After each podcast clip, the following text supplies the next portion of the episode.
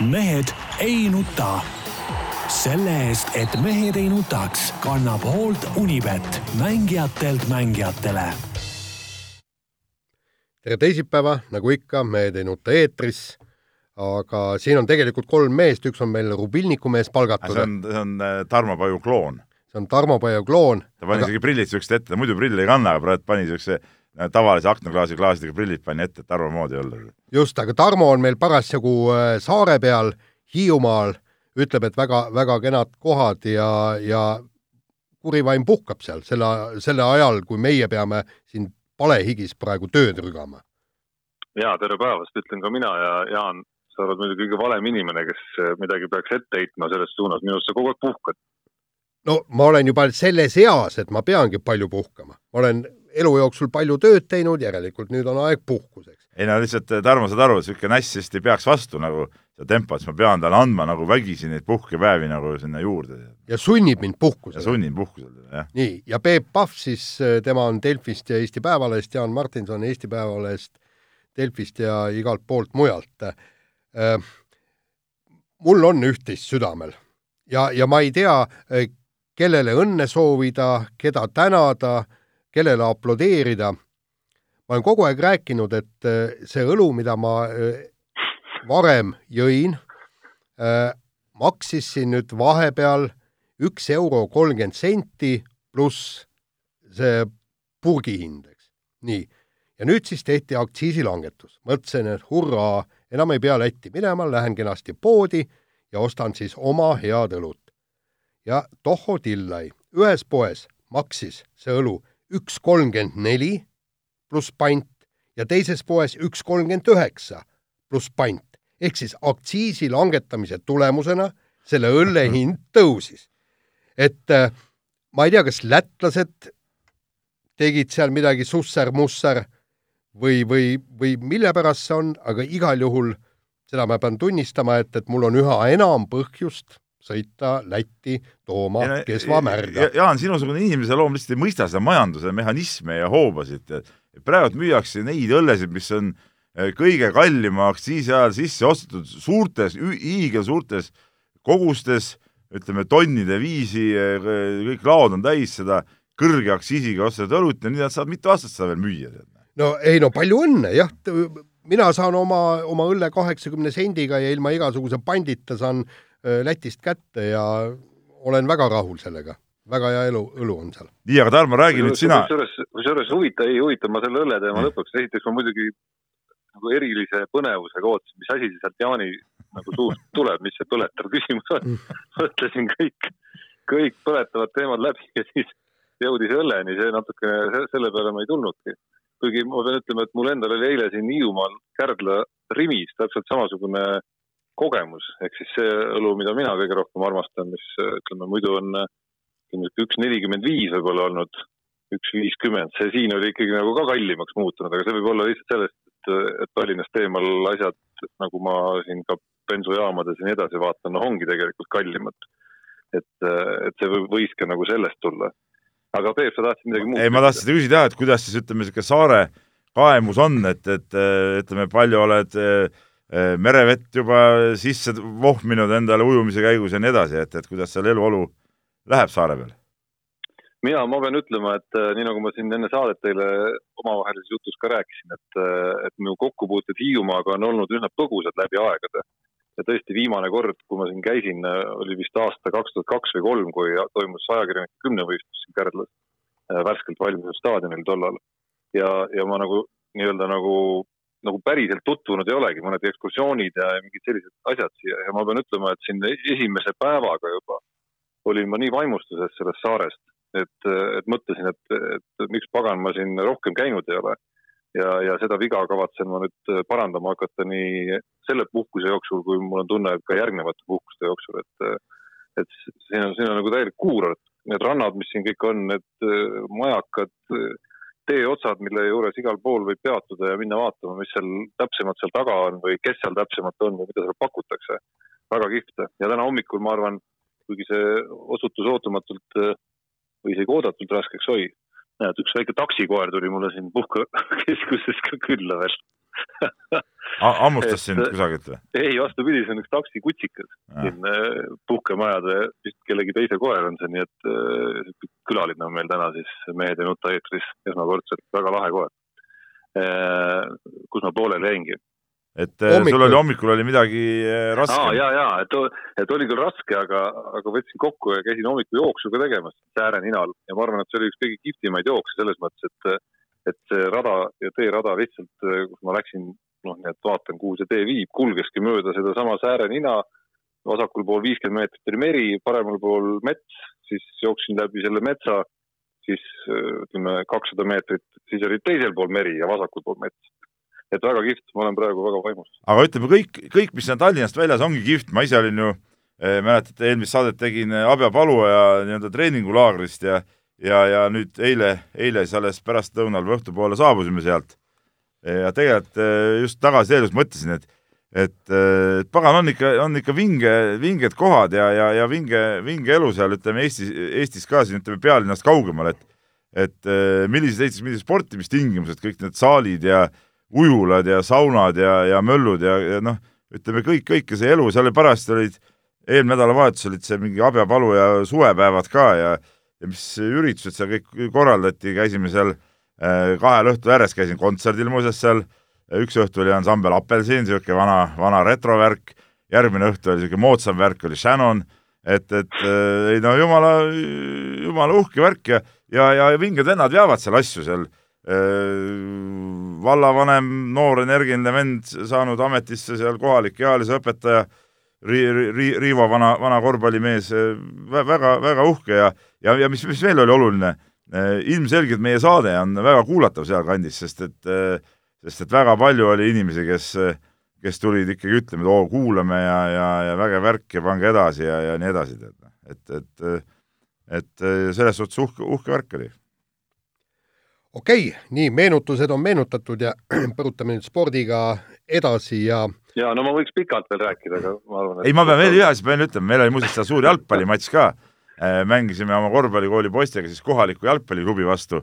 Ja sõprusmängu nende Abja Paluoja mängude raames ja ja, ja noh, kaotasime kaks-viis, mis on Kossu meeste kohta suht soliidne tulemus ja pärast oli siis ka penaltite löömise võistlus no äh, seda me oleme näinud Facebookis kõik juba.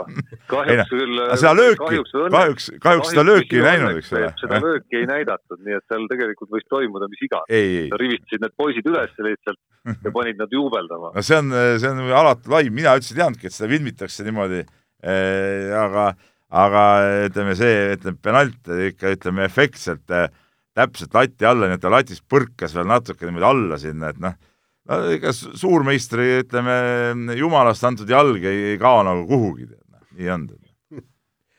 no nii, nii, aga põrutame nüüd spordiga edasi ja läinud nädalal äh, lõppesid äh, vehklemise maailmameistrivõistlused ja äh, hapult läks, Eesti EP-naiskond sai kuuenda koha, individuaalmedalit ei saadud ja, ja kuna praegu jahitakse äh, väärtuslikke ja üliväärtuslikke just sel MM-il olümpiapunkte, siis äh, Eesti naiskonna seis ei muutunud äh, kaugeltki paremaks, vaid äh, olümpiatabelis langeti kaheksandaks ja ma ei tea, et tundub, et see Tokyo rong ära veel ei ole sõitma hakanud, aga, aga meie vehklejatel tuleb ikkagi kõvasti pingutada, et sellele järele jõuda olgem ausad, et see vehklemishooaeg on olnud üks paras blamaaž, mäletad, Tarmo, sellist pealkirja kunagi, see oli vist Poola väljaannetes korvpalli puhul, kui nad Eesti käest tappa said või?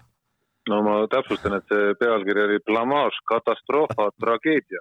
no vot, et ega see Eesti vehklemise eh, see hooaeg on, on umbes samasugune olnud ja ja ma tean küll, et no päris nii hull vast mitte. ei, no okei okay., aga esimest korda medalite peal nii pikka aastat, olgem ausad. kaks tuhat, kaks tuhat üksteist oli viimati, kui me naiskond ei saanud ja, medalit. ja, ja see on ilmselgelt on see läbikukkumine ja ma tean, et Kaido Kaaberma peatreenerina ütleb alati, et oh, mis te seal räägite, et äh, põle, kõrbesime või, või, või läbikukkumine, et, et see ei ole nii, eks ole. on küll nii tegelikult, et, et, et äh, praeguses eriti olukorras, kus neid olümpiapunkte jahitakse, ei saanud lubada sellist äh, resultaati. ja siit tuleb, ja siit on praegu viimane hetk, on teha tegelikult järeldusi sellest, et mis, mis on valesti, mida, mida muuta ja, ja, ja see, kuidas nagu nüüd nagu püütakse nagu pea liiva alla peita ja, ja, ja mitte neid asju, asju analüüsida avalikult ja arutada, noh, see on ka täielik jama, et, et noh, tegelikult tuleb need asjad nüüd kõik, kõik ütleme lahti laiali laotada ja, ja vaadata, mida, mida siin teha ja mida, mida muuta saab. Äh, kui me võtame nüüd eraldiseisvalt seda nüüd MM-i, äh, siis äh, ma ei leia, et Eesti oleks kindlasti pidanud võitma medalit ja võitma veerandfinaalis äh, Venemaad, sest Venemaa on teatavasti äh, äh, väga tugev ja on, on kogu aeg meile olnud valus vastane. Ähm, samas vaadata, kuidas see kaotus tuli, et seal oli noh, väga palju märgilisi hetki. Ja seal oli, me kaotasime matši tegelikult ära kahe minimatšiga, kui Irina Emrich sai kõigepealt miinus viis ja siis teda välja vahetanud Kristiina Kuusk sai ka miinus viis ja selle pealt nagu juba miinus kümne pealt juba Venemaa vastu, vabandage väga, äh, välja ei tule. et, et seal oli kuskilt maalt mingisugune psühholoogiline kiiks oli.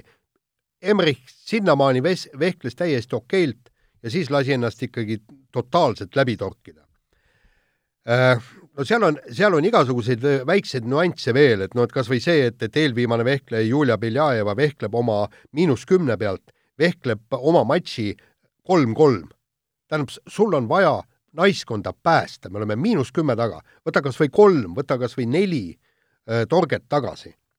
ja, ja kui sa saad torkeid sisse, mingit vahet ei ole, kas sa, viimane matš toimub miinus kümne või miinus neljateistkümne pealt. aga lihtsalt seal seista ja proovida oma null nii-öelda kätte saada, see on täielik jama, aga kes oleks pidanud äh, Beljajevile ütlema, et kuule nüüd ründad ja proovid. peatreener loomulikult, absoluutselt, noh, selleks see peatreener ongi, mitte see niisama seismiseks, tema peabki panema selle taktika ja asjad kõik paika, tead noh, et, et, et see on nagu selge, et siin mina arvan küll, et siin nagu treeneri tegutsemises oli teatud äh, puudujääke äh,. Äh, vot ma panen siit natuke ühe soojaga edasi, ma olen siin noh, inimestega rääkinud ja, ja analüüsinud ka seda, seda asja natukene, et kui Helen Nelin-Naukas ütles väga teravalt välja, et et, et B-naistel enam ei ole seda tapja vaimu, tapja instinkti sees, sellepärast et neil on taskud medaleid täis, siis äh, ma leian, et, et seal on nii ja naa. tapja instinkti tõesti on vähem, aga ma ei tea, kas sellepärast, et medaleid on liiga palju, aga pigem äkki on sellest, et ollakse harjunud, et need medalid tulevad niikuinii. seitse aastat järjest on tulnud ja, ja, ja on see nii-öelda fookus kogu nendele treeningutele äh, ära kadunud, ah, teeme, teeme, mida teeme, küll me need medalid kätte saame. ei saa. ei saa muidugi, sest see on ju nii konkurentsitihe tegelikult ala on vehklemine yeah. seal tipus ka, et no,, et päris nii lihtsalt no, asjad ei käi. ja mul nagu mitu kommentaari siit eemalt veel juurde, ilma et ma oleks kellegagi seal juurde suhelnud, et esiteks see tapjainstinkti puudumise jutt. mulle tundub iseenesest nagu natukene kahtlane, et pigem võiks seal nagu mingeid muid põhjuseid otsida ja, ja Kaido Kaaberma käest tahaks neid põhjusi kõige rohkem teada. et, et kui me räägime, et taskud on medaleid täis, siis äh, ei tasu unustada, et äh, need medaleid on tõesti taskud täis, aga need medalid on ikkagi pärit kõik maailmameistrivõistlustelt ja Euroopa meistrivõistlustelt, mitte olümpiamängudelt, mille pileti jahtimine praegu käib.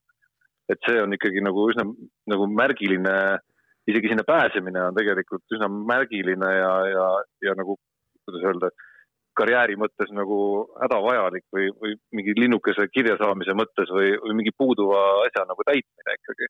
et, et ma ei, ma ei tahaks nagu sellepärast juba nõustuda, et, et kuskilt sealt on juba nagu, nagu karjääriga rahulolu kõikidel nendel vanema põlvkonna naistel olemas.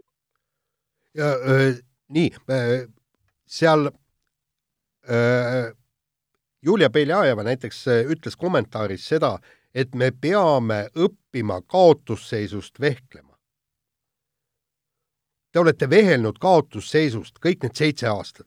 mäletate ju, kuidas, kuidas tavaliselt käis, oli, oli kaotusseis, siis veeti enam-vähem plussi või paar miinust anti siis Irina Emrichile, ankurnaisele üle see matš ja, ja, ja siis kas võitis või ei võitnud.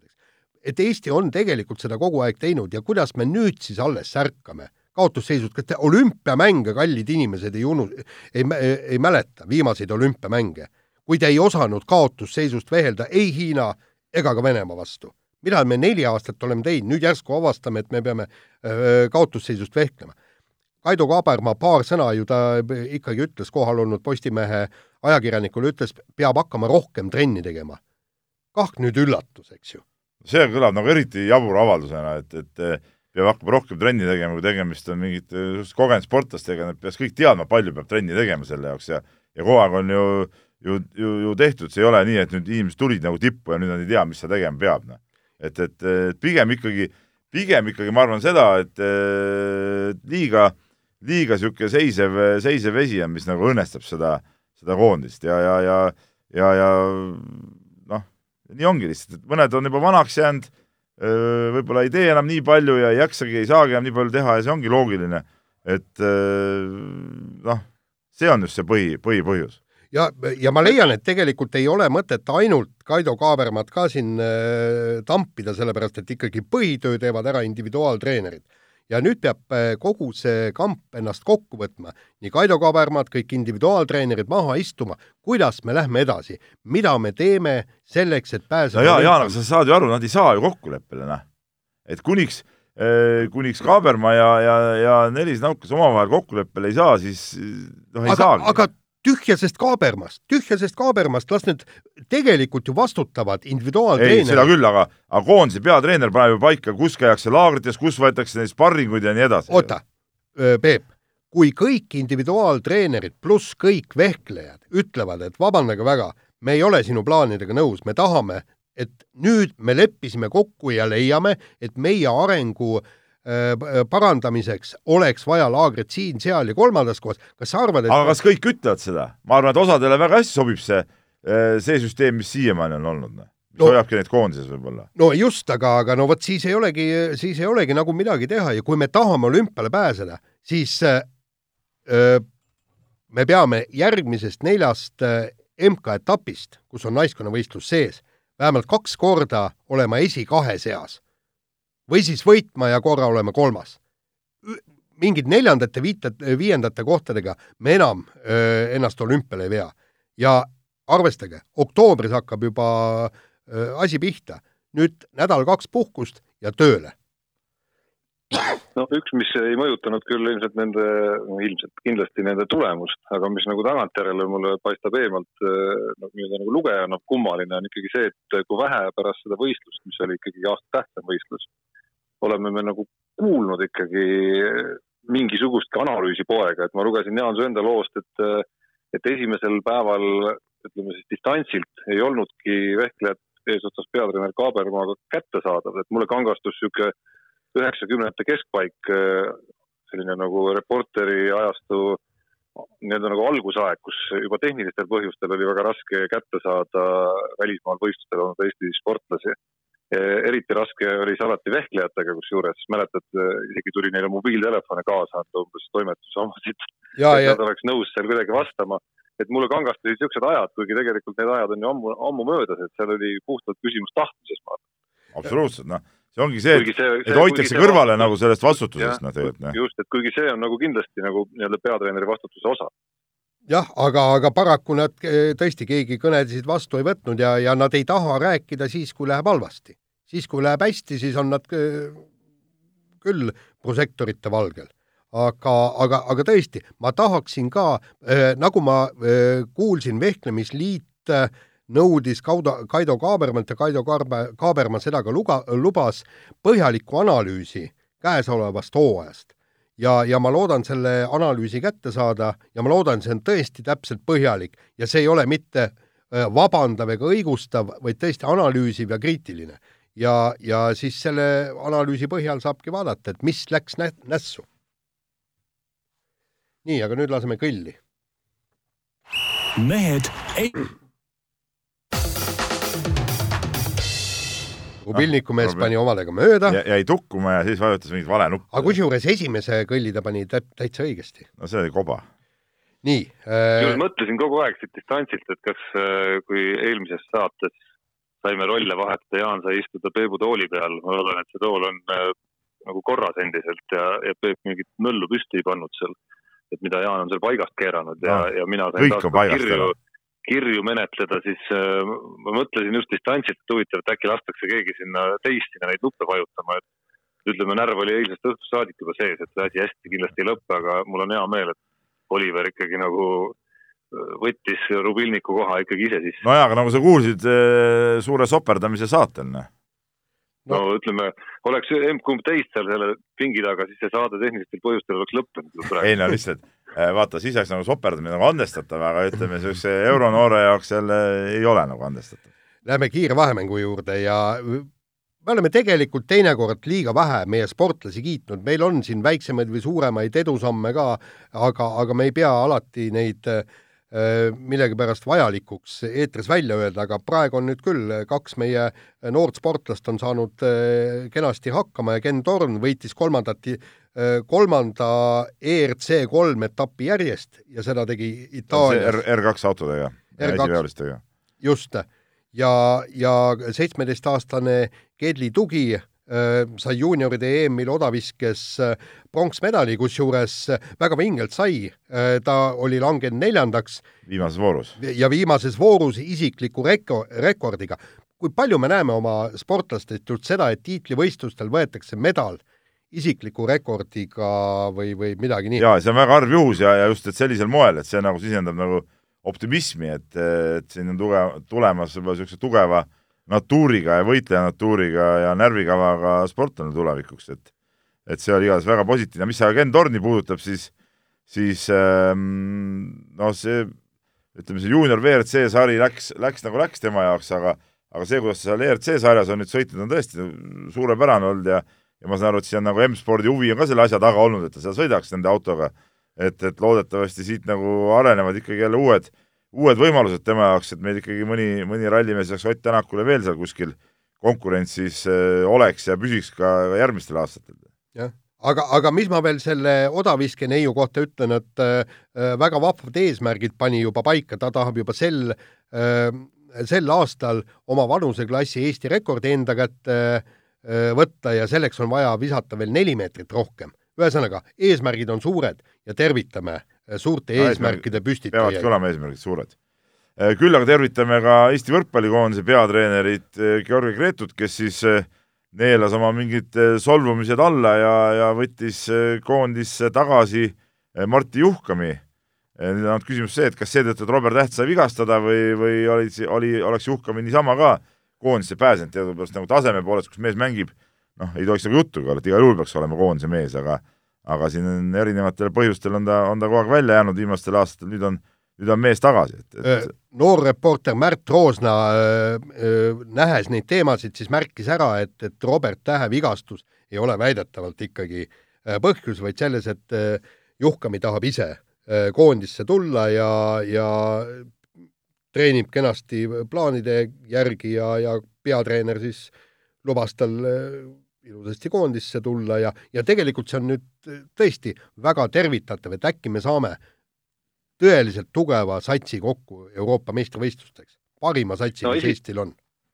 no e-, esimene mõte, mis läbi käis selle uudise peale, loomulikult oligi, et kas nüüd hädaolukorras ikkagi, et kuna Robert Täht äh, justkui peaks küll terveks saama ja, ja rivvi saama, aga tegelikult sellistel, selliste vigastuste puhul ju mingisugust garantiisid siin tegelikult ei ole et piisab, kui ravis natukene midagi, mingi tagasilöök tuleb, meil tegelikult äh, meie võib-olla isegi parimat mängijat ei olegi koondises äh, Euroopa meistrivõistluste finaalturniiril. samas äh, Märdi teooriat toetab see, et, et see jutuajamine Martti Juhkami ja Gretu vahel toimus siiski hetkel, kus Robert Tähe vigastus ei olnud veel nagu nii selge, et et see oli vist see Hollandi mäng Tartus vist, kui ma mäletan õigesti nendest artiklitest, et sel hetkel Robert Täht oli ju, ju täiesti rivis veel. ehk siis, ehk siis Gretu pidas oma jutu juhkumiga ikkagi nagu varem ära, kui täpselt see, täpne tähe nii-öelda nagu edasine ajakava selgeks saab. võib-olla on põhjus ka selles, et ega ütleme, see Euroopa liiga ju tervikuna osutus ka ikkagi kergeks ebaõnnestumiseks, et, et, et noh, natuke võib-olla seal tarvis ka võrkpallikoondises ka seda vett äh, sogada, et, et ei jääks niisuguseks liiga stagneerunuks see koosseis? no mina pakun ka, et Gretu ikkagi sai aru, no selles mõttes kõrvalt, kui sa kuulad fänne või ma ei tea, kuulad kasvõi meid ennast, on olnud ju noh, nagu sada protsenti loogiline, et Martti Juhkam, Martti Juhkami peaks seal koondises olema, me oleme ise seda ka korduvalt rääkinud, et et kui me tegime siin aastavahetuse paiku oma aastaennustusi, siis puudutas üks ju ka võrkpallikoondise käekäiku Euroopa meistrivõistlustel kus ma mäletan, isegi sai pandud nii-öelda see positiivne programm endale mitte omaselt ja ennustatud positiivset stsenaariumit, aga oligi selle klausliga, et ma usun ja loodan, et et, et Juhkomi ja Pupart ikkagi nii-öelda nagu Gretu poolt räägitakse ka koondise lõpuks ära ja lõpeb see totakas seis ära ikkagi, mida Gretu on siis korraldanud. et noh, vähemalt üks kahest on nüüd olemas. Noh, minu arust oli see lihtsalt nagu noh, üle aja, aga vähemalt juhtus lõpuks, jumal tänatud. nii, võtame järgmise teema ja räägime meie kümnevõistlejast Michael Uibost. üritas mees oma teibaid Euroopast Ameerikasse saatma hakata, kõik maksis oma summad ära, kõik teibad pidid ookeani taha siirduma, järsku sai e-kirja, et nii, maksa nüüd kaheksasada franki, mis on äh, päris kopsakas summa. see on no mingi pealt kuuesaja euro minu meelest või, või mm. kuskil sinnakanti, eks. või hävitame su teibad ära. ja no., ja, ja siis hakkas möll pihta, Kergejõustikuliidu president äh, Erich Teigamäe abiga siis suudeti need äh, teibad ikkagi nii-öelda purustamisest ja ahju toppimisest päästa.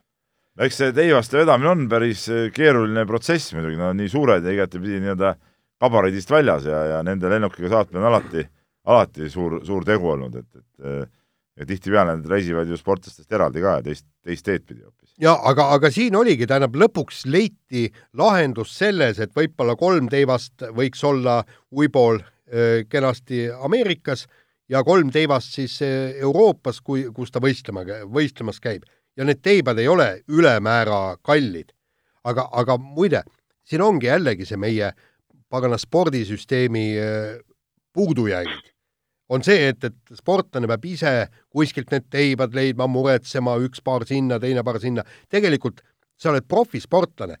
sa ütled, et mul oleks niisugust asja vaja ja siis kas olümpiakomitee või alaliit, andke andeks, äh, Michael Uibo on kindlasti meie üks tõsisemaid medalikandidaate nii olümpial kui kergejõustiku MM-il. ja lahendatakse see asi ära, see ei ole sportlase asi niisuguste asjadega tegeleda. ei, absoluutselt nõus. Nii, aga lähme kümnevõistlusega edasi ja Johannes Erm, kes sai siis hiljuti U kakskümmend kolm EM-il hõbemedali suurepärase tulemusega, teatas, et äh, loobub äh, ütleme siis sügisesest äh, MM-ist ja et tahab äh, vigastusi, vigastusest paraneda, natuke puhata ja alustada ettevalmistusi olümpiahooajaks. et noh, niisugune kahe otsaga asi, et kas see on õige tegu äh, loobuda MM-ist või mitte, noh. et eks sportlane ise muidugi tunneb, tunneb seda paremini ja noor mees, et võib-olla tõesti tal, talle nagu nii pikk hooaeg oleks käinud üle jõu, aga teisalt jälle muidugi alati see küsimus, kui norm on nagu täis ja, ja, ja tase on ju tegelikult olemas, et noh, et, et kas, kas oleks võinud ikkagi üritada seda MM-i ka? no kuskil kuklas on minu arust Johannes Ermi ja tema vanuste sportlastega ikkagi veel nagu kolmas nüanss veel. et, et ütleme, see MM nagunii ei ole veel Johannes Ermi karjääri eriti oluline MM, et kõik tema olulised suurvõistlused, ma arvan, noh, tulevad tegelikult järgneva, ütleme siis ümmarguselt kümne aasta jooksul, alustades võib-olla tõesti järgmise aasta olümpiamängudest ehk siis ma arvan, et äh, selle suhteliselt veidral ajal toimuva MM-i hetkel ohverdamine ei tundu küll mingi eriline ohver tegelikult. Äh, aga teisalt jälle, Tarmo, ERM ei ole mitte kunagi tipptasemel suurvõistlusel kümnevõistlust teinud ja teadupärast see ei ole päris, päris sama võistlus, mis kuskil USA ülikoolis või, või, või ütleme isegi Götsises või sellises kohas, okei okay,, see juunioride või U kakskümmend kolm EM oli ka nagu enam-vähem ajakavaliselt võib-olla samasugune aga, aga ütleme, kõik see, see, need konkurendid, staadionikatel ja kõik, minu arust just niisugune üks äh, maailma tippseltskonnas tehtud äh, võistlus, just niisuguse ajakava järgi ka oleks igal juhul talle ära kulunud kogemuseks enne olümpiat. Jah, ma olen täiesti Peebuga nõus, sellepärast et nii Dohas on palav kui ka järgmine aasta Tokyos on palav, seltskond on seal tõesti öö, kõvim on, on koos kahes grupis, hüpatakse siin-seal, sa pead oma katsete vahel tõesti aega kulutama, kõik muud. võtame järgmise asja, ta on maailma, maailma edetabelis kuues mees praegu. Ma ei tea, kuidas tal nende rahadega ja muude asjadega on. oled sa MM-il kaheksa hulgas, sa saad toetusraha ja, ja palka ka ja see ei ole sugugi väiksed summad. ja kolmas asi, no vot nüüd eks mees ise otsustab ja, ja, ja siin on küll asi, mida ma ei oska küll öelda, aga kas mitte teha nii, et mm ja loobuda hoopis Ameerika hooajast. miks no, nii ei võiks äh, olla? no muidugi meie ideaalis võikski olla, aga siin ongi see ülikoolide totrus muidugi, et see ülikoolide värk on nagu ülim nagu nende jaoks ja, ja, ja tegelikult ma saan muidugi aru ka, et ülikoolis nad ju treenivad ka, et nad peavad ülikoolist võistlema. teine asi on see, et ma ei tea, kas muuseas üli, üliõpilased, kas nad seda palka üldse tohivad saada? kas see mitte no, ei käi, Tarmo, sina tead seda asjast paremini? antud juhul on vist stipendiumiga tegemist, et ma ei ole kindel. ei, ei, see on EOK palk, maksud lähevad maha ja, ja kõik ja, ja. ja see on päris huvitav küsimus kusjuures. ja aga, aga no ma arvan, et seda annab ka deponeerida. ma arvan, et ma arvan, et võivad isegi tegelikult, aga, aga ma ei ole kindel. aga mina, kas mitte ei ole? kas Maicel Uibo mingitel hetkedel näiteks ei ole saanud? vot, aga see, aga see ei ole mitte mingi reegel, et, et sa ei saa ülikooli, kui sa oled võtnud mingeid auhinnarahasid ja ütleme, ütleme selle võistlemise. profileping on olnud näiteks ja. Pallimängijana, siis, siis absoluutselt tekivad sul probleemid kohe. ja aga, aga ma olen täitsa kindel, et, et seda palka saab deponeerida kergejõustikuliitu, kus sa hakkad seda kasutama alles siis, kui sul on äh, no see on täpselt nii, kui, kui naissportlane läheb lapsepuhkusele, siis deponeeritakse ju need töötasud ja, ja, ja toetussummad ja kindlasti, aga, aga just. ja no ütleme, kuna ta on hetkel ikkagi ülikoolis, siis tal ütleme selle poolega ju tegelikult ei põle eriti, et seal on ju tal nii-öelda nagu täisteenus ikkagi olemas, mis puudutab elamist, toitlustust, treenimist ja, ja kõike muud. ehk siis, ehk siis selle poolega tal ütleme kuni olümpiani tegelikult nagu väga ei põle, et keerulisem on pigem siis, kui ülikool läbi saab. oota, Tarmo, aga, aga siin nüüd eh, tekibki ju küsimus, et kuivõrd nüüd see ülikooli hooaeg eh, kahjustab tema võimalusi olümpiamängudel eh, hästi esineda. vot no see, sest see ja, on no, ikkagi arvan, väga pikk ja pingeline. jaa, aga no ma arvan, et siin tuleb nagu mõistusega aru saada, et nii-öelda ülikooli esindamine siiski on prioriteet, et mis, mis mõte sellel ülikoolil üldse on hoida neid sportlasi, et see oleks natuke sama, mis öelda Peebule mõne tema mängija puhul, et kuule, et äh, ärme teda seal äh, Keila satsis nüüd seal mängita ja seal mängita, et hoiame teda kuskil mingiteks, ma ei tea, koondise asjadeks. ei, ei, ma mõtlen lihtsalt seda, et tulla ülikoolist ära ja siis ülikooli minna tagasi võib-olla siis, kui karjäär läbi ja siin on Eestis ka väga häid ülikoole. saab siit ka hariduse. just nendes treeningtingimustes ja ka treener on tal ülikooli juures. kuule, Uibo treenib ju ka öö, väljaspool ülikooli ju no nüüd, jah. jah, just. no ma ei, ma ei tea, miks, kuhu, kust te, kust te nüüd tormate, kõik, kõik on tal täiesti okei okay,, ma arvan. no saab ka, näha. ka järgmine olümpia ilmselt ei ole veel päris tema olümpia, olen üsna kindel ka selles, et, et ka see tema õige olümpia siiski on vähe hiljem. no jah, no minu, minu isiklik kui... vanamehe mõte on ikkagi see, et, et kui sa oled olümpia ja MM-i tasemel sportlane, siis sa pead võistlema olümpial ja MM-il ja kõik muu on teisejärguline. sa pead tegema asjad ära siis, kui need, kui kui su see vorm ja need tulemused on sellised, nagu ta on, et, et ma just tulen nüüd korraks tagasi oma selle Abja Paluja laagri juurde, et te teate, kes on Abja Paluja kõige kuulsam äh, kergejõustiklane? vot ei julge öelda. Tarmo? ei julge öelda. Valter Külvet, seal on suur stend oli temast ja, ja ma seda korduvalt äh, iga päev nagu saali minnes jälle vaatasin neid, neid tema neid tulemusi ja, ja neid kuupäevi ja tegelikult äh, see, kuidas ta seal noorteklassis ikkagi ju lammutas, tegi vägevaid tulemusi, aga aga lõpuks täiskasvanuna noh, ta jõudis küll korra EM-ile, korra MM-ile, korra olümpiale, aga midagi välja nagu ei tulnud, et et, et, et sa ütled, et vaata, et ei, ei ole nagu võib-olla veel tema võistlus ja nii edasi, me kunagi ei tea seda, eks ole, et kui ta on siin kakskümmend üks, kakskümmend kaks, võib-olla nad jäävadki elu parimateks aastateks, noh, seda ei tea ju kunagi ette sportlase puhul. aga neid samu näiteid saab ka nüüd praegu praeguste Johannes Ermi otsuste valguses nagu teistpidi vaadata, et, et võib-olla just selleks, et vältida sarnaseid saatusi, ongi mõistlik äh, praeguses, praegusel hetkel natukene nagu tagasi tõmmata, seda enam, kui tervis ei ole päris korras, mida ta äh, kümnevõistlejatel väga harva muidugi on, et äh, et ma mäletan, kui Erm tegi oma selle tulemuse ära, siis oli vist jutt, et selles vanuses loeti kas ette kolm kümnevõistlejat umbes, kes on läbi aegade rohkem teinud, kellest üks nimi oli ka Frank Puusemann ka natuke sarnane, sarnane juhtum ju tegelikult Erki Noole aegadest, kus äh, väga noores eas tegi juba imetulemusi, aga, aga, aga noh, tegelikult mitte midagi võrreldavat Erki Noole või Dvoržaki või Šeberlest rääkimata sealt ei tulnud, et vigastused tulid ja, ja sinna see karjäär jäigi. nii, nii., võtame siis kiire vahemängu viimase teema ja kiidame meie presidendi prouat Kersti Kaljulaidi, kes läbis Tour de France'i publiku etapi, ehk see oli raskem etapp, mis neil on, kahekümnes etapp, seal tuli turnida ikka väga jõulistes mägedes ja lõpetas äh, ajaga alla üheksa tunni. no väga kõva asi, ütleme, see on ka kõige kõvem asi, millega meie president on hakkama saanud, et tegelikult ta võikski äh, rumalate intervjuude ja, ja väljend äh,, igaste äh, väljenduste asemel tegeleda rattasõiduga ja, ja selle juurde ka jääda, et see oleks tema jaoks nagu, nagu parim lahendus, et siis, siis oleks ilmselt kõik rahul. oota, aga Peep, mis, mis intervjuust sa räägid? ei, ei, sa Jaan ei tea üldse, eks ole. Ennast väljendada minu pärast võib president ka täitsa vabalt, see on ka täiesti okei okay,, aga. no mitte, mitte, ei, Tarmo, Tarmo, mitte nagu oma riiki kahjustades, et see oli nagu ütleme tegelikult, tegelikult oleks äh, tal õige aeg nagu tagasi astuda oma ametikoha pealt peale sellist, sellist äh, lolli intervjuud andest, et noh see on Peep huvitav, et, et sina seda ütled ja et, et EKRE ministrid kõik seda ütlevad, et et justkui nagu nemad võivad öelda kõike, aga, aga nende kohta ei või öelda A, mitte midagi. aga praegu on nagu vastupidi, et eh, president võib öelda kõike, aga teised ei või öelda mitte midagi. ei, miks? ütlevad ju. ütlevad ja, ja sealtpoolt ei ole nagu mingit vastukriitikat sealt ei ole midagi tulnud, noh, sest et igalühel on õigus oma arvamusele. ma just ütlengi, no mida ta siis ütles, kui ta vihkab EKRE-t, siis ta vihkab EKRE-t, kas, kas seda ei tohi siis välja öelda või? kindlasti, loomulikult ei tohi niimoodi välja no, öelda. no mis mõttes, miks ei tohi? siin oma, ütleme, mingis poliitilises tagatoas rääkida, aga see ei ole mingi välismaa ajakirjanike rääkimine, nalja te ei teadnud. ei no kuule. miks, miks EKRE omad võivad välismaale anda intervjuusid, kus, kus nad ka vihkavad keda iganes? no just. keda nad siis vihkavad?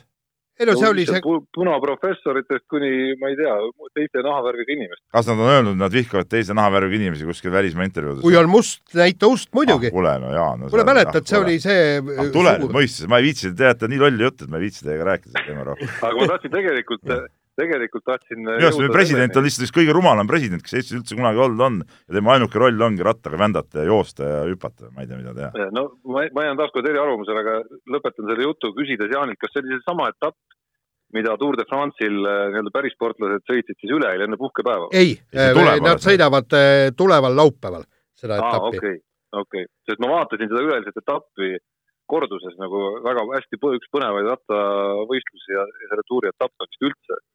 Et äh, ja noh, juba selle, seda vaimusilmas äh, nagu kujutada kas ennast või meist kedagi või noh, ütleme niisugust tavainimest nagu kuidagimoodigi läbimas, tundus nagu natukene terve mõistuse vastane. selles mõttes ei saa salata, et nagu, nagu sportliku vormi mõttes tuleb presidendi ees muidugi müts maha võtta. ja kindlasti vaata laupäevast etappi siis, sest tavaliselt on selle tuuri kõige raskem etapp avatud publikule ja, ja ma ei tea, Tarmo, sinu vormi kohta, ma ei tea, Peebu vormi kohta, aga ma olen üsna kindel, et, et mina ei oleks suutnud seda etappi eriti palju sõita, sest need mäed on nii järsud, et ma ei saa jalgrattaga nii palju hoogu sisse, et püsti püsida.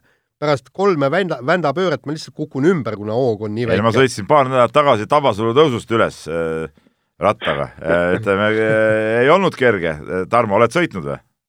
olen absoluutselt. ei ole ju kõige kergem katsumus. no jaa, aga nüüd pane üheksateist kilomeetrit jah seda..., ma ütlen, et, et et selles suhtes muidugi, noh, ma ütlengi, et noh, see ongi tema kõige tugevam külg, ongi sportimine. nii, nüüd laseme kõlli ja õiget kõlli. Unibetis saab tasuta vaadata aastas enam kui viiekümne tuhande mängu otseülekannet. seda isegi mobiilis ja tahvelarvutis. Unibet, mängijatelt mängijatele Tarmo, kas sina oled nüüd Unibeti boss ka või?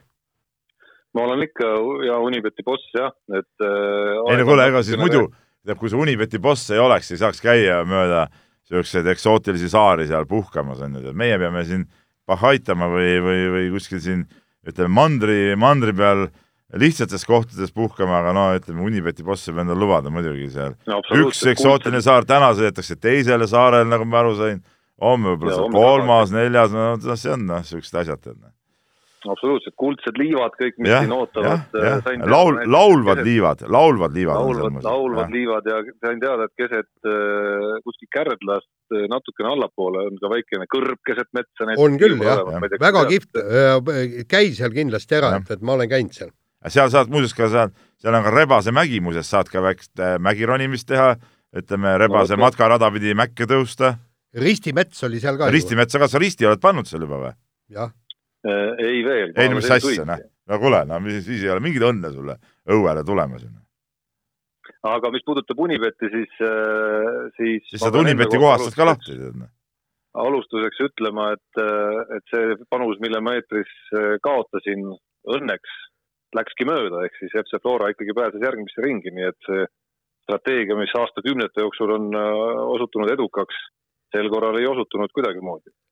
no samad sõnad siinpool ja rohkem ma panuseid ei pannud, ma tegin väikse nädalase puhkuse Äh, sellepärast et ei osanud nagu midagi panna, seal ei olnud nagu midagi, midagi mõistlikku pole panna. mul oli ka paus, ma olin üldse nagu võimalikult vähe arvuti ligi seal laagri ajal ka, et, et mul, mul nagu jäigi nagu seekord see nädal vahele.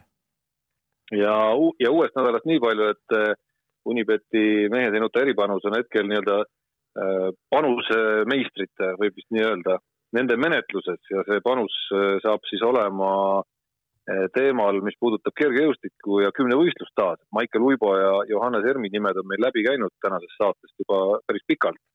aga Janek Õiglase nimi ei ole ja sel nädalavahetusel, õigemini reedel ja laupäeval on siis toimumas Eesti mitmevõistluse meistrivõistlused. ja küsimus on, kas Janek Õiglane teeb täis MM-i normi ja kaheksa tuhat kakssada punkti. hetkel nagu seda hinnata kas panustada või mitte veel ei saa, sest, sest neid koefitsiente veel ei ole, aga selle üle arutleda, kas see kaheksa tuhat kakssada sünnib või ei sünni, on muidugi võimalik. no põhimõtteliselt ma, kui on enam-vähem koefitsiendid, siis ma panen ikkagi selle peale, et sünnib, et et selle rohkem ma tahaksin seda, seda võistlust jälgida kas või interneti vahendusel ja ja, ja ma ikkagi loodan, et Janek Õiglane saab oma jamadest üle ja osaleb siis MM-il ja teeb seal võib-olla järjekordse väga-väga hea tulemuse. no ütleme, no väga-väga hea tulemus jah, et õiglase selle hooaja võistlemised on olnud suhteliselt niisugune küsimärk, et mis, mis siis täpselt nagu ikkagi on ja, ja miks ei ole tulemust kokku saadud, et et võib-olla niisugusest, kuidas ma ütlen, see Eesti meistrivõistlus on ikkagi noh, nagu natuke lihtsam võistlus, see ajakava nagu, nagu suurtulemuse tegemiseks nagu sobilikum, siin saab suhteliselt ühe soojaga need alad läbi tehtud et, et äh, see on nagu hea võimalus ennast näidata, jah. Jah, aga noh, samas realism on see, et äh, teha oma selle aasta parim kümnevõistlus kolmandal katsel vist jah, ja, ja üsna lühidalt pärast oma eelmist võistlust tundub nagu ikkagi mitte väga tõenäoline. noh, ma ei tea, ma ei tea, ma, ma siiski arvan, et, et ta on võimeline selleks. nii. jah, Peep. Lähme kir kirjade rubriigi juurde, jaa kirju on palju nagu alati ja võtame siin mõned ette. Siim Avi, meie vana kirjasõber, kirjutab meile ja, ja seekord on küsimus otseselt mulle tegelikult, et seekord küsimus Peep Pahvile, et vaatasin korvpalliliidu leheküljel on avatud konkurss äh, äh korvpallikoondise peatreeneri äh, kohale ja küsib siis, kas Peebule motivatsioonikiri ja CV saadetud. no vastan kohe, et ei ole, et äh, vaadates neid tingimusi, siis äh, siis tingimused on küll sellised, et seal äh, mingit muud tööd teha ei saa, et kes siis seda saadet siin juhiks, kui ma nagu läheksin sinna Kosovo koondise peatreeneriks, loomulikult ma võiksin no, sinna minna. saate jaoks, saate jaoks tar... jääks sulle küll aeg. ei, ei, no sealt ei jää, sealt ei jää. loomulikult võiks minna selle konkursi rahulikult ka ära võita, ei oleks nagu mingit küsimustki, ma arvan, aga noh, siin ütleme, jääks muud asjad jääks nagu ripakile, nii oma klubi, tavatöö ja nii edasi, tead noh teeb ära jama, ütleme tavatöö Delfis Eesti Päevalehes, noh, see tundub muidugi välistatud, aga aga saadet sa saaksid kindlasti teha, nii et selle ära küll poe. äkki siis peaks ikka minema või? No kasvõi nagu, no nagu kasvõi nagu põhimõtte pärast ikkagi. ei no ma ei saa ju minna, sest et Andres Sõber esitas avalduse, ma olen Andres Sõbra poolt. ei no te, te saate abitreeneriks alati võtta endale ah,. no see on ka hea mõte muidugi. okei okay,, no mõtleme seda asja veel. aga eh, Kalle on meile kirjutanud ja tegelikult me Kalle kirja kaudu tuleme tagasi korraks vehklemise teema juurde ja, ja ta siin äh, toob äh, välja selle Helen Nelis-Naukase ütluse peale MM-i, et EP naiskonnal on vaja värsket verd, millele siis Kaabermaa, Kaido Kaabermaa pareeris, et asi on paigas ja süsteem kolm edetabeli põhjal ja üks treeneri valikul siis koondisse pääsemiseks toimib hästi, aga, aga Kalle küsib selle peale, et kuidas see süsteem siis toimib ja kuidas saavad noored edetabellis olla, saadeta ju võistlustelegi, kuidas edetabellis ronida, kui võistlus saadetakse ainult neli naist või kuidas see värk käib no seal on põhimõtteliselt niimoodi, et, et MK-etappidel saab, äh, saavad käia kõik vehklejad ja se, sellega äh, kelle raha eest? jah, jah. aga kelle raha eest?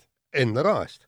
aga kas kõik käivad enda raha eest või? no põhimõtteliselt küll, ei, ei, kõik ei käi, ei, ei, ei need, kellel on ettevalmistustoetus ja kes no, on koondises. ei no selles suhtes on äh, Kallel muidugi õigus no me teame, et Nelli Tihvert käib ka MK-etappidel aga tema käib nagu oma kulude kirjadega, ma olen niimoodi aru saanud, eks ole. just. aga no, teisalt on, teisalt on neil võimalus ju kodus permanentselt ikkagi võita.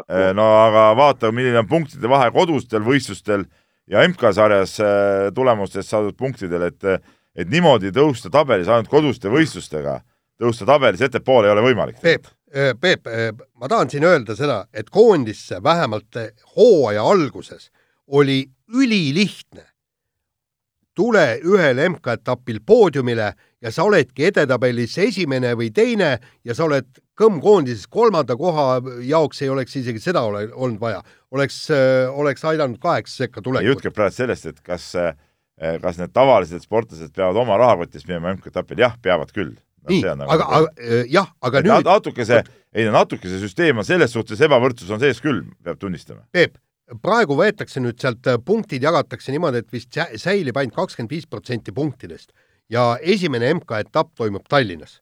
Ja sa siin võidad selle Tallinna etapi ära ja sellest hetkest sa oled koondises ja sul on rahad kõik olemas. sa, sa räägid muidugi nii, nagu MK-etapi võitmine oleks nagu mingi imelihtne asi. aga see on võimalik. ei no see on võimalik küll, aga noh, eh, ainult selle põhjal nüüd panna, et, et sa oled koondise värvi ainult siis, kui sa võidad MK-etappi ära, sa, Jaan, pead olema nõus, tegelikult peaks süsteem olema teistmoodi, tegelikult meil peaks olema kuus-seitse, võib-olla isegi kaheksa naist, kes saavad käia ikkagi alaliidu kulul koondislased. No meil et, nii palju et, ei ole, meil on praegu kuus inimest. kuus, no võib-olla võiks mõne noore ka juba karastuseks sinna ei, ei, nemad okei okay,, kuus. ja kuus peaks ikka saama, et, et see alaliit peaks saatma ikkagi oma kulude ja kõik need kuus naist välja. absoluutselt, absoluutselt, ma olen sinuga nõus. nii, ja Kallet on muuseas teine kiri ka ja siin natuke äh, Äh, väike torge siis äh, ajakirjanduse pihta, et Delfis oli fotouudis, et Metallica, see on siis äh, vokaal-instrumentaalansambel, kes käis Tartus esinemas, jagas siis Eesti spordiässa postitust oma Instagrami kontol ja, ja tuli välja, et see spordiäss oli Marko Kilp, suusasprinter, ja siis küsimus ongi selles, et kui Marko Kilp on spordiäss, siis kuidas kutsuste Ott Tänakut? jumal jääks ju ka tagasihoidlikuks, kui Kilp on äss oota, aga kilp ongi äss ja täpselt võrdne ju Ott Tänakuga. Ott Tänak on Eesti parim rallisõitja, Marko Kilp on, no tema puhul on, võib öelda, et Eesti ainukene MK-tasemel suusataja. Äh, nojah, aga ütleme, üks on ikkagi MM-sarjas võitnud kaks pronksmedalit, teine pole mitte midagi võitnud. No, üks on valitud Eesti, Eesti parimaks sportlaseks, meessportlaseks, teine pole midagi valitud. ei, Ott Tänak on ralliäss, ta on ka maailmatasemel äss aga Marko Kilp on Eesti äss. Ta on kohalik äss. olgem ausad. no sul on ju külas ka omad ässad. ei no, no sina oled no, mina olen, mina olen. mingis ringis on Peep ise ka äss. no just täpselt. ei, aga no olgem ausad, no spordiässaks nüüd nimetada Marko Kilpi, kogu austuse juures väga tore mees ja, ja tubli spordimees, noh, see on, on nagu kerge ajakirjanduslik liialdus, aga aga noh, miks ka mitte, miks mitte kasutada liialdust natuke. kohalikul, kohaliku tasemega äss. jah, nii oleks pidanud pealkirjas olema, ütleme siis noor reporter, kes selle uudise tegi, ütleme siis edasi. Ma arvan, et Eesti on tegelikult kohalikke spordiasjasid ju täis tegelikult. eilegi lugesin äh, üks äh, hirmus paks niisugune telliskivist raskem raamat on Hiiumaa ajaloost. lugesin huviga läbi ka ütleme, selle peatüki, mis puudutas äh, kohalikke spordisangareid ja siin olid igasugu. Heiki Nabi on võib-olla viima-, viimastest kõige kuulsam või? ja ei no sinna Heiki, Heiki Nabid ja Taavi Peetri nimed käisid tuntumatult läbi, eks Eveli Saue näiteks, aga aga noh, oli ka niisuguseid ässasid, kellest polnud midagi kuulnud. Aga nad on ka ässad ikkagi ah,. seal oli kusjuures ära toodud ka, oli see vist seesama ikkagi koht jah, kohaliku Hiiumaa kõigi aegade kuulitõuke edetabel mingil põhjusel, kuna kuulitõukajaid on siit äh, on tulnud päris palju, et seal selleks, et pääseda Hiiumaa kõigi aegade kuulitõuke tabelis esikümnesse tuli ikka peaaegu neliteist meetrit tõugata. päris korralik jah, jah nii, aga. kõik nad on ässad seal. ei no muidugi on ässad. Nii, aga teadlane Priidik jätkab meile oma niimoodi huvitavate küsimuste seeriat, siin on mitu, mitu erinevat eh, küsimust ja nüüd eh, läheb ta individuaalse sportlaste juurest äh, alaliitude juurde ja, ja milline on siis meie arvates pärast taasiseseisvumist Eesti parim alaliit, et kes suutnud kõige paremini arendada oma ala, meelitada noori selle alaga tegelema, loonud sportlastele parimad tingimused ja kus on inimesed veetnud kõige rohkem ühte köit, kus inimesed vedanud kõige rohkem ühte köit? No, no. ma, ma ütlen siin, tähendab äh, Mati Alavere aegne suusaliit. jah, ma, mul, oli täpselt sama, sama mõte, et see oli nagu muidugi, see oli nagu omaette riik riigis tegelikult. oli, absoluutselt ja, ja okei okay, mi,, mis moel need tulemused saavutati, noh, see selleks, aga ütleme niimoodi, et isegi selle suusaliidu öö, äh, üks öö, suuri tegusid on kas või selle Tehvandi kompleksi ehitamine, no okei okay,, riigile müüdi see idee no, maha. olgem ausad, Tehvandi kompleksi ehitamise juures tehtud minu arust Eesti spordirajatiste kõige suurem idiootsus. no on küll. on kõige suurem idiootsus on. ja nüüd, kui ma käisin Rally Estonial siin nüüd poolteist nädalat tagasi, vaatasin seda ja mõtlesin jälle selle peale. Tarmo, sa tead, milles see seisneb või? nii? no seal on staadion, eks ole.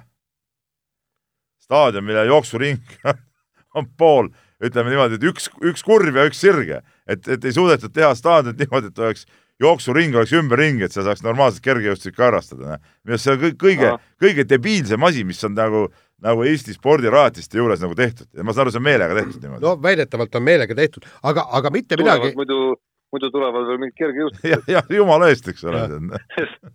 kusjuures sellest staadionist rääkides ma ei saa lihtsalt ütlemata jätta, et soovitan äh, spordihuvilistel minna vaatama Harjumaal Raasiku vallas Arukülas valminud staadionit kooli taga vot see on üks vägev asi ühe põhikooli, ühe põhikooli nii-öelda hoovis, aga see selleks. kusjuures suusaliidust rääkides, kas see nagu natuke liiga kergekäeliselt siin Jaan ei saanud õhku visatud, et, et okei okay,, headel aegadel meil olid sangarid, noh, kelle, kellest nii mõnegi nii-öelda sangarlus nüüd tagantjärele on saanud muidugi uusi varjundeid, aga teine, teine nüanss sealjuures on see, et kui need sangarid ikkagi, jättes need varjundid kõrvale, Äh, lõpetasid, siis kas nagu tagalaga ka piisavalt sel ajal tööd tehti ikkagi? Äh, nagu ma ütlesin, jutt käis Mati Alaveri aegsest suusaliidust. ja, ja, ja Mati siis... Alaveri aegses suusaliidus äh, ütleme, selle töö tulemusena valminud, nii-öelda valminud sportlased võikski praegu nagu ju möllata tegelikult. Äh, tähendab, äh, ütleme niimoodi, et, et seal oli vähemalt äh, juunioridele oli mingi toetusfond tehtud. toetusfond, neil ja. oli ju Merko tiim, kus oli miljon Eesti krooni pandi sinna, seal oli noortelaagrid, kõik, kõik need ja kõik need maksis ju kinni Suusaliit, jah. aga tead, minu arust palju lihtsam oleks äh, isegi üles lugeda neid alaliite, mis on olnud nagu erakordselt saamatud, et siin Äh, ütleme just no,, just oma tulemuste valguses ma ütleksin, et seesama Vehklemisliit näiteks, noh, on läbi aegade olnud üks, üks tontlikumaid organisatsioone sellega, et et neil on väga tugevad sportlased olnud üheksakümnendatest alates, eks ole. aga, aga, aga mingit raha pole suudetud neile mitte kunagi leida. üks niisugune tontlik alaliit on olnud ka laskesuusatamise föderatsioon muuseas tegelikult, eks ole, kus oli ka ju meil seal juunioride just medaleid võideti ja meil olid Eveli Saued, meil olid päris head sportlased, kes kõik läksid ära, seepärast et raha ei olnud, noh, ja nad ei suutnud ära kasutada ütleme, niisuguseid äh, atraktiivseid äh, sportlasi oma nagu promomiseks, noh, vahendite tekitamiseks et, et kusjuures nagu, publik, publiku huvi oli laske suuda, suusal ääretult suur. siiamaani, eks ole, jah, jah ja. no siis võtame veel äh, muidugi niisugused, ütleme, juhtimis fopaad või, või no, jäähokiliit, maleliit, no ütleme, need on ikkagi, no need on jälle sellised omaette, millest igast ühest võiks raamatu kirjutada, et kuidas neid asju on aetud seal. no ma scroll isin enne saadet Priidiku küsimuse peale Eesti Olümpiakomitee kodulehel kõik, kogu selle alaliitu nimekirja üle ja pean ka tunnistama, et enamikega seostus kuidagimoodi ikkagi mingisugune jama kuskilt aegadest vähemalt.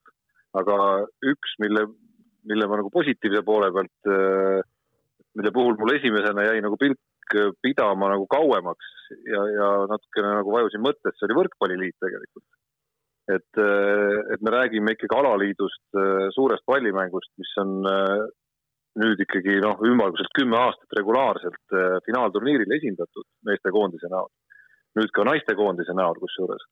Äh, ja me räägime ka alast, kus me näeme, et mingil müstilisel moel kogu aeg tiksub kuskilt juurde ka uusi noori Robert Tähte. mul on selline tunne, et Võrkpalliliit peab paljuski ütlema aitäh sellele, kui see oli vist kuskil kahe tuhandete alguses äkki, kui Henn Vallimäe sai äh, peasekretäriks seal ta ei olnud küll ise võrkpallimees otseselt niimoodi, aga ta, ütleme, selle kogu selle alaliidu need struktuurid, süsteemid, asjad tegi, tegi väga hästi korda minu arust ja ja, ja selles suhtes äh, andis lõpuks üle väga, väga korrektselt toimiva alaliidu ja ma arvan, see on üks, üks põhjuseid, miks, miks see kogu see asi seal, seal nii hästi toimib, seal enne seda olid ka suured intriigid ja, ja jamad, aga aga ma ise tol ajal kajastasin võrkpalli ka päris palju ja ja, ja, ja Vallimäe, praegune siis antidopingu juht, ütleme, seal tegi küll minu arust väga, väga suurepärast tööd. ja kusjuures tahaks ju Jalgpalliliidu kohta ka öelda jalgpalliliit, see on, see on nagu, see on nagu teine maailm hoopis. ei, ei, aga, aga ainuke vähe on see, et tulemust ei ole. tööd tehakse jube ja. hästi, eks, aga tulemust ei ole. jah, nii on. nii, aga kell on muidugi sada ja kuule, kuule, äh, ma tahan hästi kiirelt öelda, üks kiri oli meil veel sellest, vaata, kui me rääkisime sellest Tallinna peatänavast ja siis hakati rääkima ah,, okay. üks oli ja, ja, ja, ja seal oli mingisugune kahtlane jutt, et lapsed ei saa trenni minna, vanemad tassivad autoga. nii, äh, just, ma tahan sinna öelda, mul on lapselapsed käinud kaheksa-üheksa aastasest alates Peetrist ise Tallinnas treeningutel, tulevad äh, kesklinna meie juurde, sealt lähevad kott seljas jalgsi või bussiga lähevad trenni, tulevad trenni, istuvad bussi, sõidavad Peetrisse, mingit probleemi ei ole, absoluutselt mingit probleemi ei ole. lapsed saavad rahulikult omaette käia kaheksandast, üheksandast eluaastast alates ja ei juhtu nendega mitte midagi. nii, lähme nüüd. aga, aga ütleme, Tallinnasse peab saama autoga sõita kesklinna välja ja ongi kõik. jah, just, täpselt no nüüd tuleb järelejäänud teemade seas muidugi korralik äh, galopp teha ja reha no,. aga küll me siin galoppime ka,. galoppige korvpalliga, U kakskümmend superpõlvkond ei, ei mänginud eriti hästi, kellest saab mees, meestekoondise peatreener, Eesti koondis kohtub EM-valiksarjas Itaalia, Venemaa, Põhja-Makedooniaga. kas edasipääs on kindel? vastake kiirelt küsimusele. see kiirelt ei saa, see muidugi, see teema ikkagi eeldab natuke natuke lahkamist ja, ja ja mina ütlen küll, et U kakskümmend korvpallikoondise esitus okei okay,, ma vaatasin neid mänge, äh, kohati oli ju kõik nagu tore ja ja, ja aga see üks õnnetu kaotus Hollandile muidugi maksis, maksis ikkagi väga valusalt kätte, aga aga ei saa öelda ainult, et, et üks mäng oli kehva.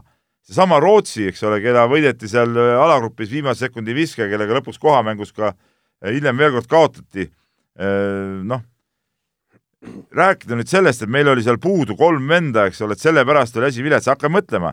Tarmo, ma arvan, ma ei eksi, sa mäletad ka neid asju, kui Tallinnas oli see U kaheksateist sama vanuseklassi võistlus, minu arust siis ka Raiestet ja Treierit ei olnud koondises. aga tookord oldi medali peal. sai, Treier sai turniiri algul vigastada. no ja no põhimõtteliselt mängiti ilma temata, eks ole. jah, jah, et, et no Trell oli juures. no Trell oli juures, aga, aga Trell ei olnud võib-olla siis ka veel nii nii oluline roll, nii olulises rollis, et ja oldi medali peal, et, et praegult äh, ikkagi noh, jäädi kümnendaks, eks ole, et, et äh, mingi, mingi, mingi selline ohumärk siin ikkagi on, et mitte ohumärk, vaid ütleme, see nagu näitab ikka, me ise kujutame võib-olla rohkem ette, et meil on, meil on need kutid on jube kõvad ja ongi kõik tublid, need, kes välismaal saavad mängida ja saavad siin lepinguid ja kõik, aga mujal riikides on ka need mängijad olemas, need ei ole ainult Eestis niisugused mängijad. Et, et see nagu ei garanteeri meile midagi, et me siin oleme, ma ei tea, nelja aasta pärast EM-i esikaheksas nende vendadega, et see, et meil on väga palju, väga paljudest oleks vaja mööda minna ja väga pikk tee oleks minna selles suhtes. ja ma tahaks saate huvides hirmsasti nagu tüli kiskuda, aga, aga ei saa, sest, sest mõtlen enam-vähem samamoodi sellest, et, et see oli nagu omamoodi selline nagu reaalsuskontroll ikkagi no,. kainestav, kainestav nagu, täiesti. ja kõikidele osalistele tegelikult, et kindlasti peatreener Aivar Kuusmaale, ma arvan et, et ütleme, see, see üks kaotus, see üks ülisuur kaotus ikkagi läks väga kalliks maksma meeskonnale. Kindlasti ei ole mõtet väga nendest puudujatest rääkida, sellepärast et äh, ma arvan, et olemata läbi käinud kõiki satside nimekirju, neid puudujaid selles vanuseklassis on alati ja kõikides võistkondades, alustades Gruusiast, kelle värske NBA mees. NBA drafti esimeses ringis valitud mees, kes juba Eesti meestekoondist loputas päris korralikult siin äh, eelmisel aastal et Koga äh, Pitatse oli puudu grusiinidel, eks, kes ma arvan, annaks Gruusiale juurde rohkem kui need võib-olla, või ütleme vähemalt sama palju kui need meie kolm venda võib-olla.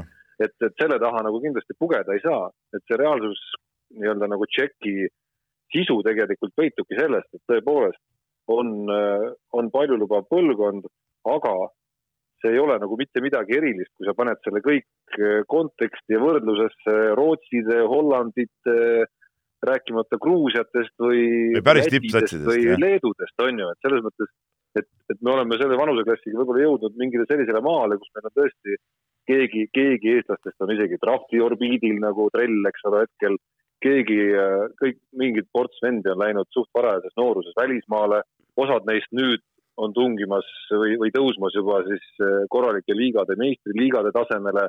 samas me näeme, et mingi osa ikkagi Äh, jätkab ka, ka nagu esiliiga tasemel, eks ole.